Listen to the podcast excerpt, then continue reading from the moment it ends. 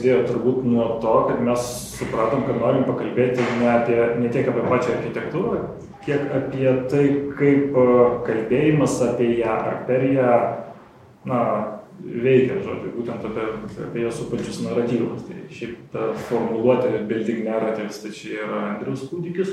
Biškai kečiai popsavo ten pareiškimas toksai, bet uh, pati intencija jinai tokia kaip ir vis tiek, man kažkaip irgi atrodo, kad yra labai svarbu tai, kaip, kaip mes uh, formuluojam užduotis, kaip mes bandom vertinti. Nu, kartais atrodo, kad tai, kaip kalbi arba kartais netgi kalbi taip, kaip matai, kad tai yra tie visi vertimai į kalbą ir į pasakojimą kartais net e, kai kuriuose vietose svarbiau negu pačios fizinės e, architektūros savybės. Na, ypač, pavyzdžiui, visuomeniniam gyvenime, tai daugelio objektų tu kaip architektūros, kaip funkcinio aparato tu netgi nepatiri, neturi prieigos prie jo, bet visokių nuomonių ir aistrų ir visko aplinkui pilna, sukelia, atsiranda ir, ir galiausiai tai, ką iš, kas ištransliuojama į viešą erdvę, tai labai dažnai tampa pagrindu ne tik tai na, ki, kitiems pasisakymams, bet turbūt ir projektavimo užduotims, ar architektai tai reaguoja.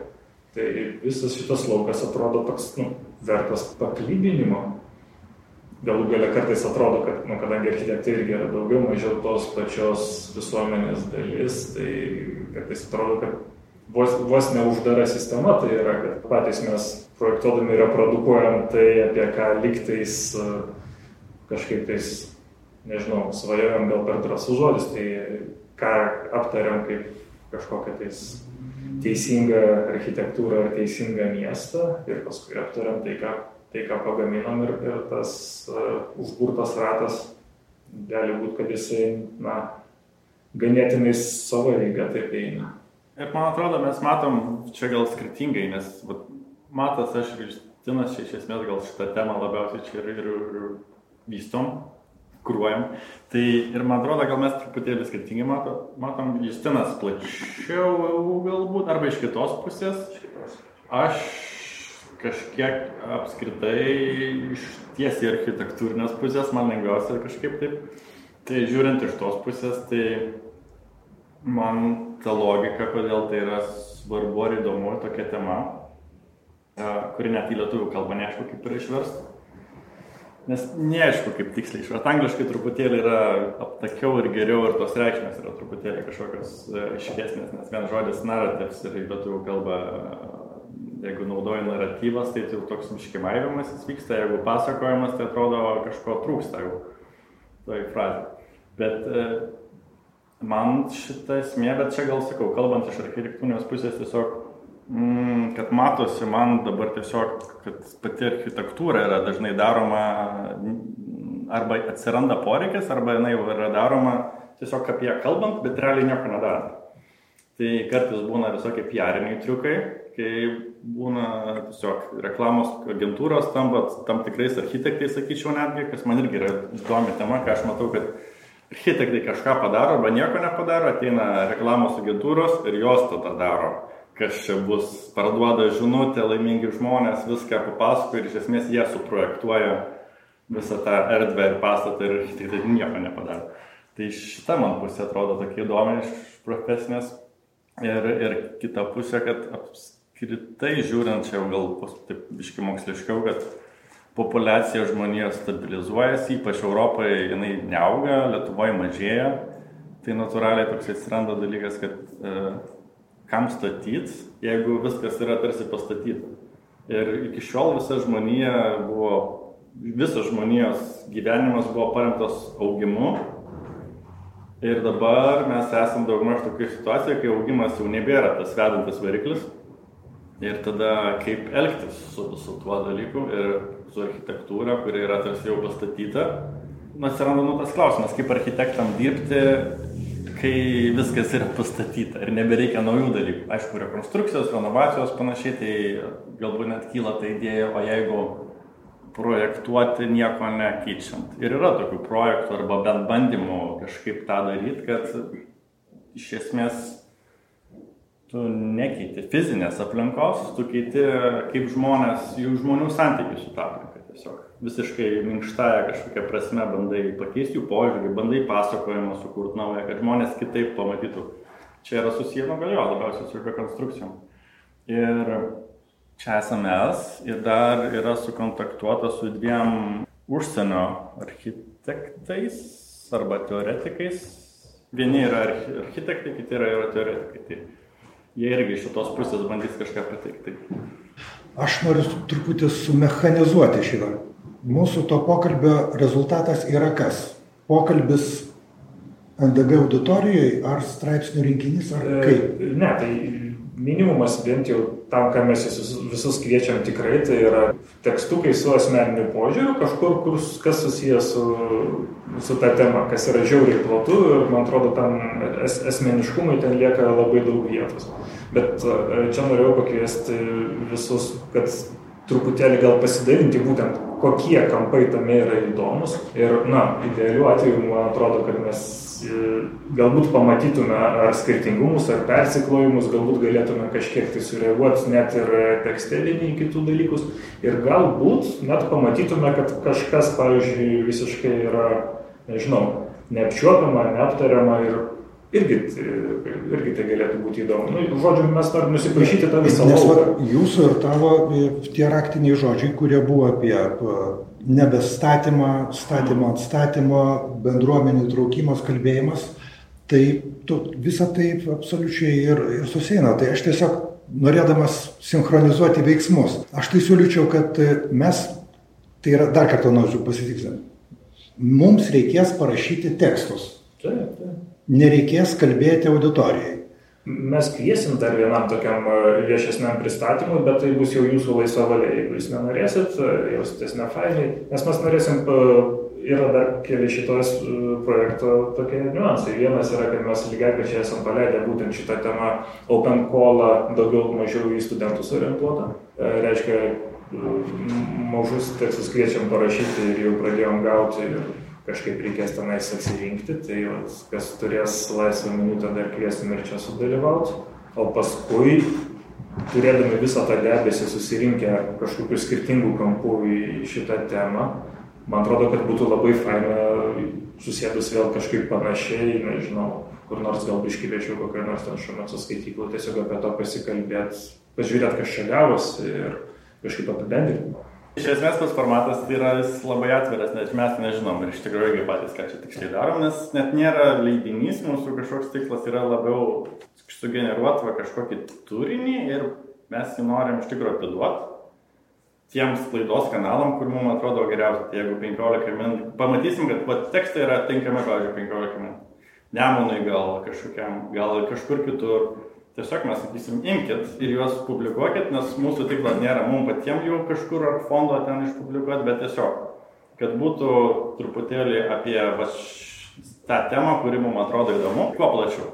Tas pašlifavimas yra man tai labai naudingas nes tada nes jeigu vienas dalykas nes aš iš karto perspėju kaip ir tave buvau perspėjęs aš ateinu čia kaip tokio sakysim klouno pozicijoj nes į akademinę dalį aš nepatrauksiu architektūrinę kritiką juo labiau ir aš temą turiu tuoj apie ją papasakosiu ką aš jau pradėjau daryti. Ir tas pradėjimas man svarbus yra dėl to ar nes jeigu eina sakysim į penkiolika minučių arba tuos kanalus kurie pasiims tai reikia turbūt iliustracinę dalį reikės paruošt truputį kitaip o jeigu tai būtų auditorijoj tai tada būtų kitaip. Ir tuo pačiu aišku ir tas ar tai yra grynas stendapas ar toks e, rašymas jau tikslesnis. Nes aš pasičiupęs e, pasičiupęs tai kas buvo parašyta ir pradiniam ir dabar beklausydamas džiugiai pamačiau kad ir išgirdau kad viskas maždaug atitinka aš ėjau pačiu paprasčiausiu ir tiesiausiu keliu. Tai yra kur buvo paminėta, kad užsakovas, bendruomenė žiūri ir ginčiasi. Sakysim, tie keli raktiniai žodžiai,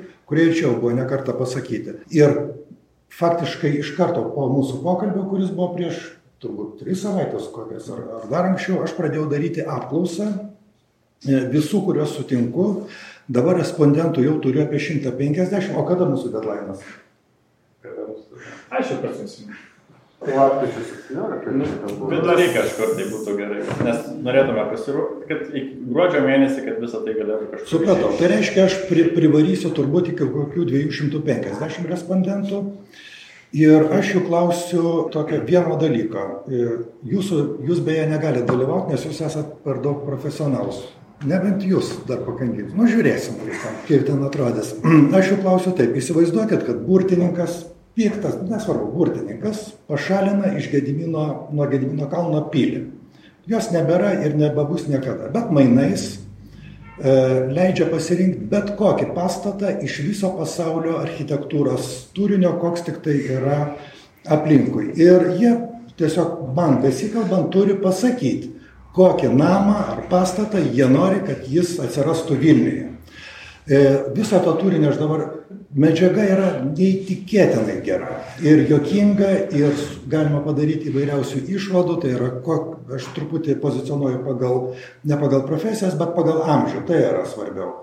Turbūt. Ir dėliojasi labai geras pasakojimas, kuris gerai atrodys ir, savo, dabar aš jo iki galo pasakyti kaip ten susidėlios negaliu, nes ta apklausa vis dar eina. Ir, e, bet kai ji bus padaryta, tai faktiškai aš ir jums, ir auditorijai duosiu atsakymą, ko, sakysim, nu, sakysim, ne lietuviai, bet vilniečiai norėtų ar įsivaizduotų, kaip turėtų atrodyti Vilniaus architektūra. Bet klausinėdamas toliau, aš jau po truputį nebes, aš apie tai irgi rašysiu, nesuprantu, kodėl aš įtraukiau tą poziciją su dingstančia Gedimino pilimu. Jį kaip ir bet galiu šiaip klausti, kokio namo norit. Bet jį yra įtraukta ir svarbiausia, kad niekas net nesuabejojo tą pradinę įžangą. Visi sutinka, jeigu jau Gedimino pilis dinksta, tai reikia, reiškia, mes turim teisę paimti kažką tai, kas mums naudinga. Štai vat toks yra mano, tokia yra mano, tai yra bus toks mano indėlis. Tai galvoju, fantastika, čia visiškai. Ir čia, nu, visiškai irgi atitinka tai, ką mes. Atitinka, tai aš ir sakau, aš džiaugiausi klausydamas, kaip visą tai.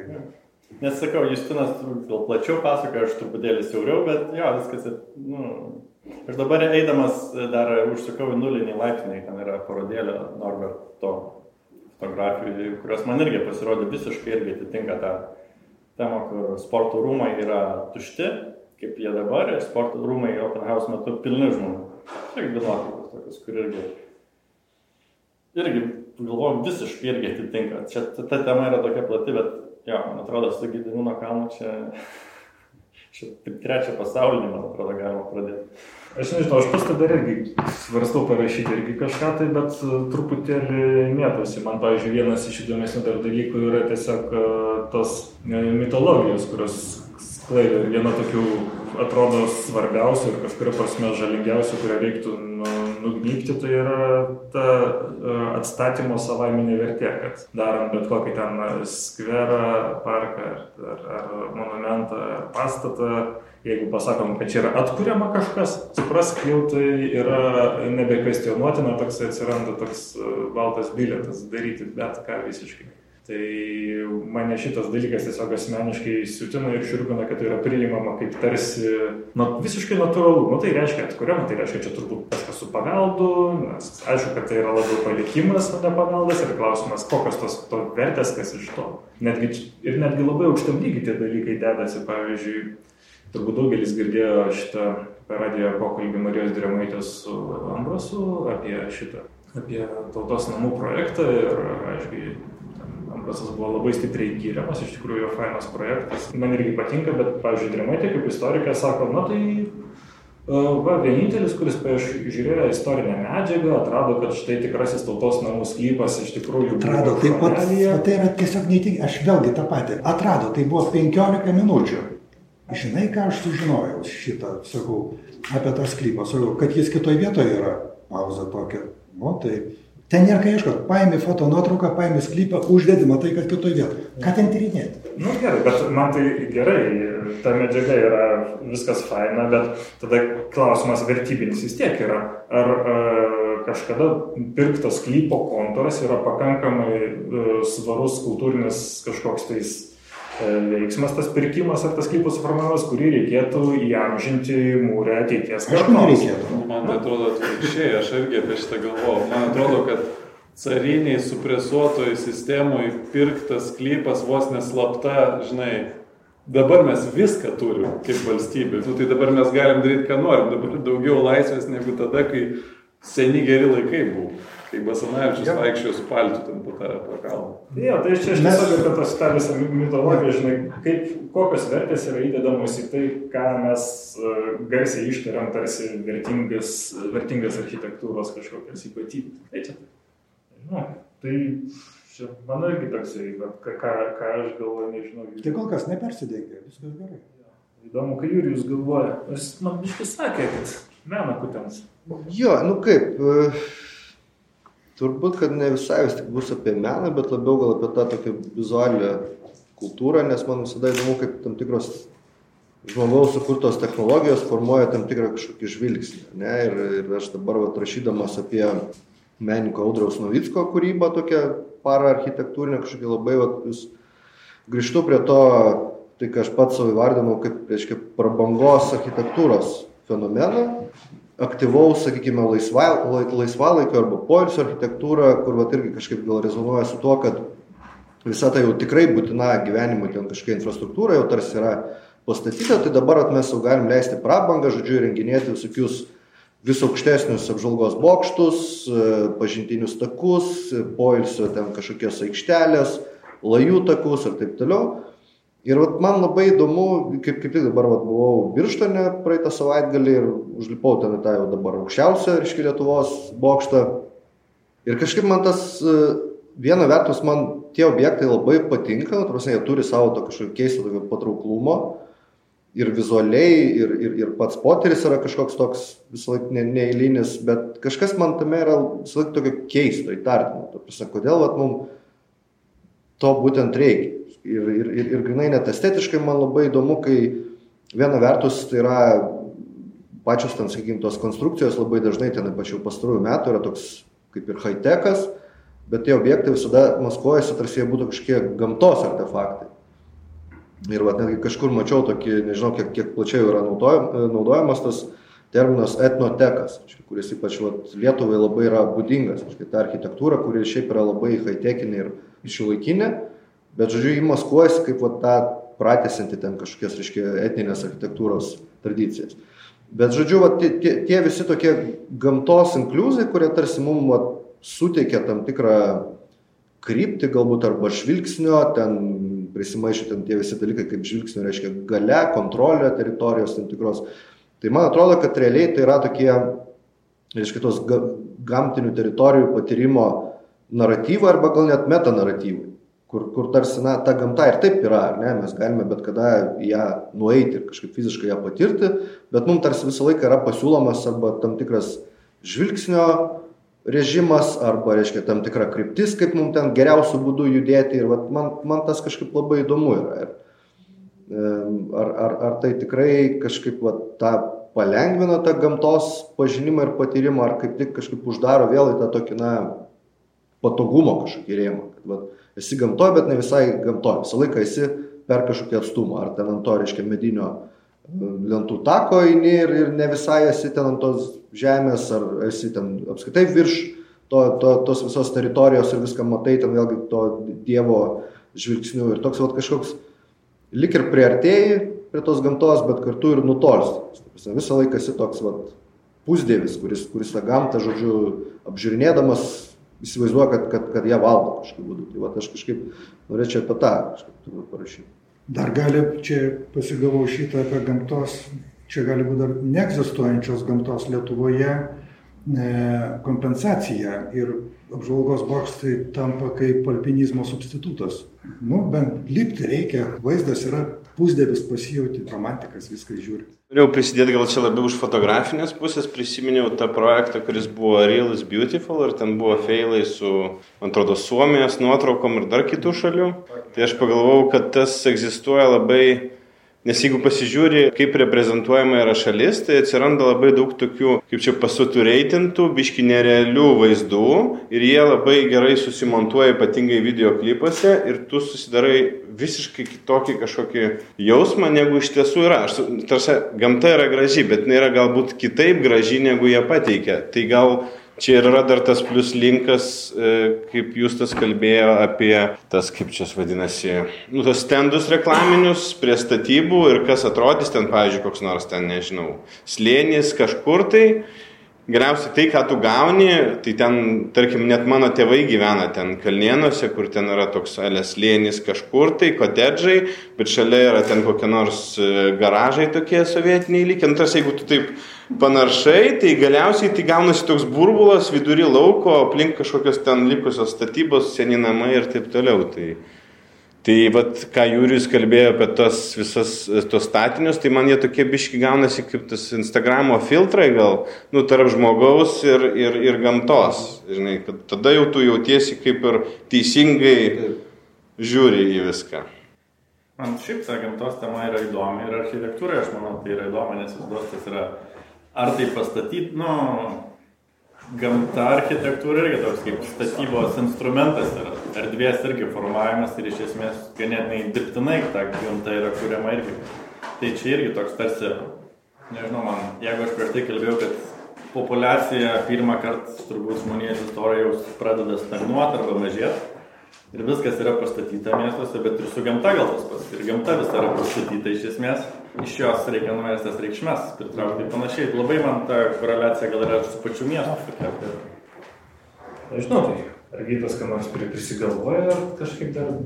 Yra čia daug tų temų, kurios kaip ir gal domina, mane vis laik domina, va aš neseniai skridau lėktuvu ir Vilnius oro uostas Ir aš vis, kai būna ruos, aš galvoju, kada reikia čia susikaupti kokį tyrimą apie tą ruostą, žinai. Nu, aš net galvoju tokį, žinai, į paminklį, į paduot paraišką į jo įpaminklinimą. Bet, nu, ne ta prasme, kad ten saugot literaliai jį, žinai, kaip ten saugoma tas stalinizmas, bet ir net tas stalinizmo saugojimas tam kontekste irgi yra jau idiotizmas, kurį reikia paminklinti, reiškia.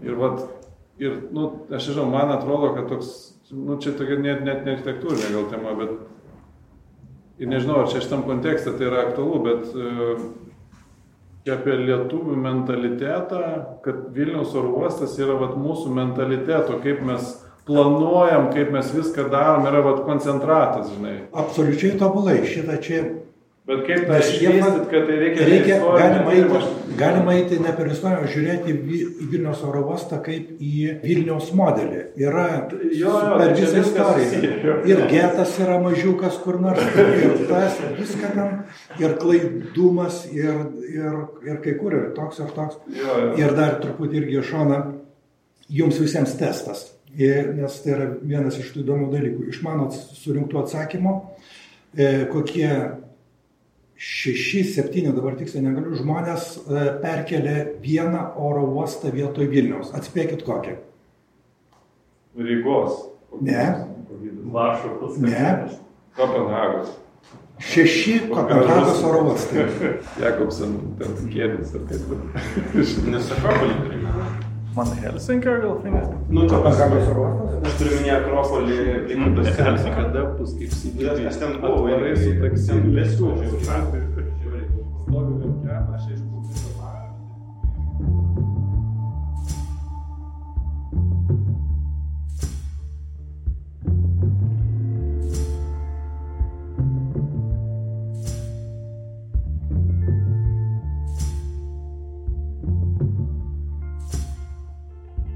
perskaičius temos aprašymą, labai kažkaip pagalvojau apie tokias temas, kurios mane domina, bet iš tikrųjų pirmas impulsas buvo toks um, pagalvojimas apie visą tą naratyvą, pasakojimo meną ir iš tikrųjų apie pirmąjį pasakojimą apie uh, pasaulio architektūrą. Aš labai taip uh, intuityviai iš vis prisiminiau pirmas eilutes genezės apie pasaulio sukūrimą ir tokį kaip pirmąjį mitą, kaip iš tikrųjų visa struktūra pasaulio atsirado ir kodėl.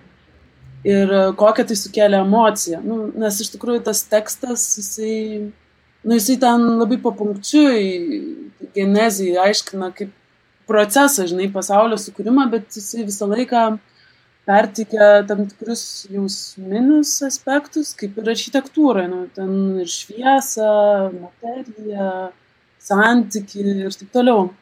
Tai aš kažkaip iš tikrųjų irgi galvoju apie įvairias temas, bet pagalvoju, kad gal aš pabandysiu toliau ir pavat iki, iki šio laikinės architektūros tokio konteksto panarplioti tokią žodžio galę architektūrai ir pačią pasakojimo galę architektūrai.